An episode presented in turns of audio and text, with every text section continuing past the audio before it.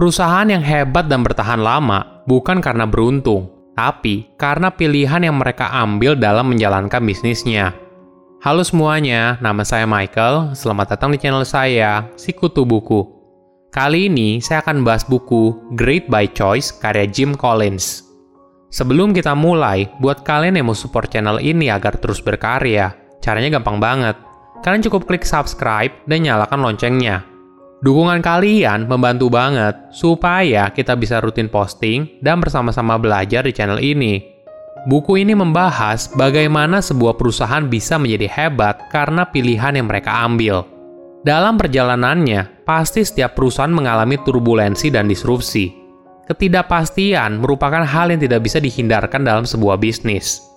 Jim dan timnya menyeleksi 20.400 perusahaan dan akhirnya mendapatkan 7 perusahaan.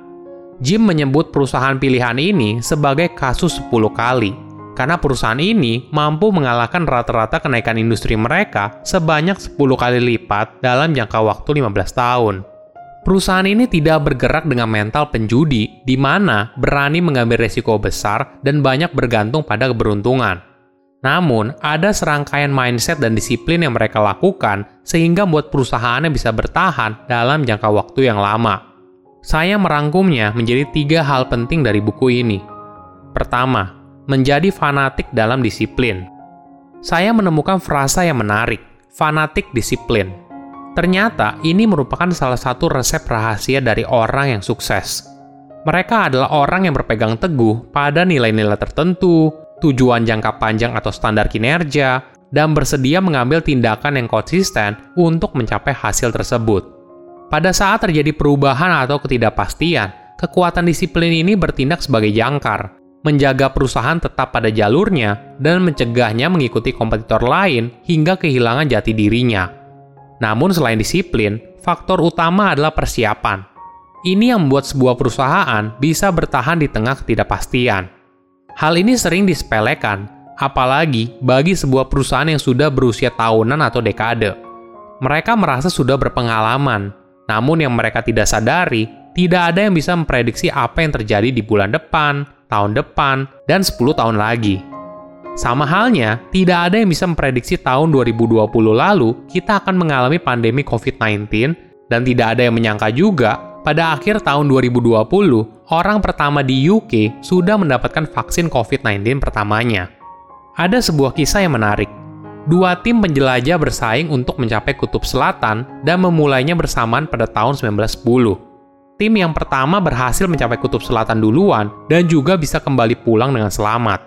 Sedangkan tim yang kedua bukan hanya kalah dalam perlombaan, tapi juga tidak kembali dengan selamat karena semua anggota timnya meninggal kedinginan. Tim yang pertama dikomandani oleh seseorang bernama Roald Amundsen dan rahasianya terletak pada satu aturan yang selalu mereka pegang teguh tim itu akan selalu bergerak 20 mil setiap hari, tanpa peduli kondisi cuaca apa pun yang mereka hadapi. Di hari di mana cuaca buruk, mereka harus berjuang keras untuk mencapai 20 mil. Sedangkan di hari di mana cuaca baik, mereka menahan diri untuk tidak bergerak melebihi 20 mil. Dengan cara ini, mereka mampu menyimpan energi, mengatur sumber dayanya dengan baik, dan selalu ada progres. Beda hal yang dilakukan oleh kompetitornya. Mereka berusaha untuk berlayar secepat mungkin sehingga awak kapalnya menjadi kelelahan dan ketika kondisi buruk menerpa, mereka tidak selamat. Cerita ini kemudian menjadi sebuah istilah 20 miles march dan inilah yang dilakukan oleh sebuah perusahaan yang hebat. Mereka berusaha untuk menciptakan tujuan jangka panjang yang besar, namun mereka konsisten melakukan apa yang harus dilakukan untuk mencapainya setiap hari tanpa gagal. Kedua, mengambil keputusan berdasarkan data. Perusahaan yang hebat bukanlah perusahaan yang inovatif dengan membabi buta. Namun, mereka mengambil keputusan berdasarkan data. Konsistensi mereka dalam meluncurkan produk yang inovatif bukan berasal dari intuisi, tapi didukung dari data yang membuktikan kalau produk tersebut punya potensi untuk sukses. Jim memberikan analogi yang menarik soal peluru dan bola meriam.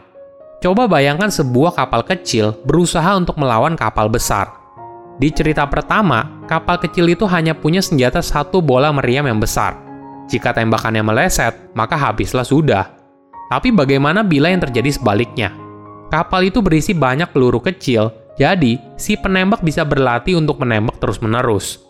Dalam waktu yang tepat, barulah bola meriam ditembakkan ke kapal yang besar. Ini yang dilakukan oleh Steve Jobs di Apple. Mungkin kita melihatnya, Apple adalah perusahaan inovatif yang sangat berani mengambil risiko. Namun, ada hal berbeda yang mereka lakukan. Pada tahun 2001, Apple pertama kali meluncurkan iPod pertamanya. Tapi iPod yang waktu itu diluncurkan bukanlah seperti yang kita kenal sekarang itu merupakan produk tes awal dan hanya tersedia bagi pengguna komputer Mac. Ketika pengguna komputer Mac suka dengan produk tersebut, Steve mencoba lagi mengirimkan peluru dengan meluncurkan iTunes untuk mereka. Ternyata, produk ini sangat disukai. iTunes memberikan pelanggan mereka kesempatan untuk mendengarkan lagu secara resmi dan murah. Barulah setahun kemudian, iTunes dan iPod diperkenalkan ke pengguna yang lebih luas, yaitu non-pengguna komputer Mac. Peluru dan bola meriam bisa diartikan seperti itu. Peluru adalah sebuah eksperimen yang rendah biayanya, rendah resikonya, dan tidak perlu banyak menggunakan sumber daya perusahaan. Sedangkan bola meriam adalah sebuah proyek atau aktivitas yang membutuhkan perusahaan harus banyak berinvestasi dari sisi waktu, tenaga, uang, dan sumber daya.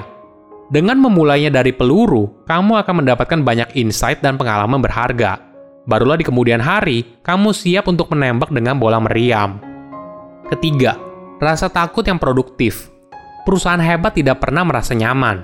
Mereka selalu membuat diri mereka tidak nyaman dan selalu cemas akan masa depan. Bahkan di masa emas sekalipun, mereka selalu bertanya, apa yang bisa saya lakukan apabila industri saya berubah? Bagaimana perusahaan saya bisa menghadapi perubahan tersebut? Kompetitor masa depan saya seperti apa? Mereka menggunakan sesuatu yang disebut oleh Jim sebagai productively paranoid atau rasa takut yang produktif. Hal ini digunakan untuk memastikan kalau mereka siap untuk situasi apa pun. Salah satu contohnya adalah bagaimana perusahaan hebat selalu berusaha untuk menjaga arus kas keuangan mereka.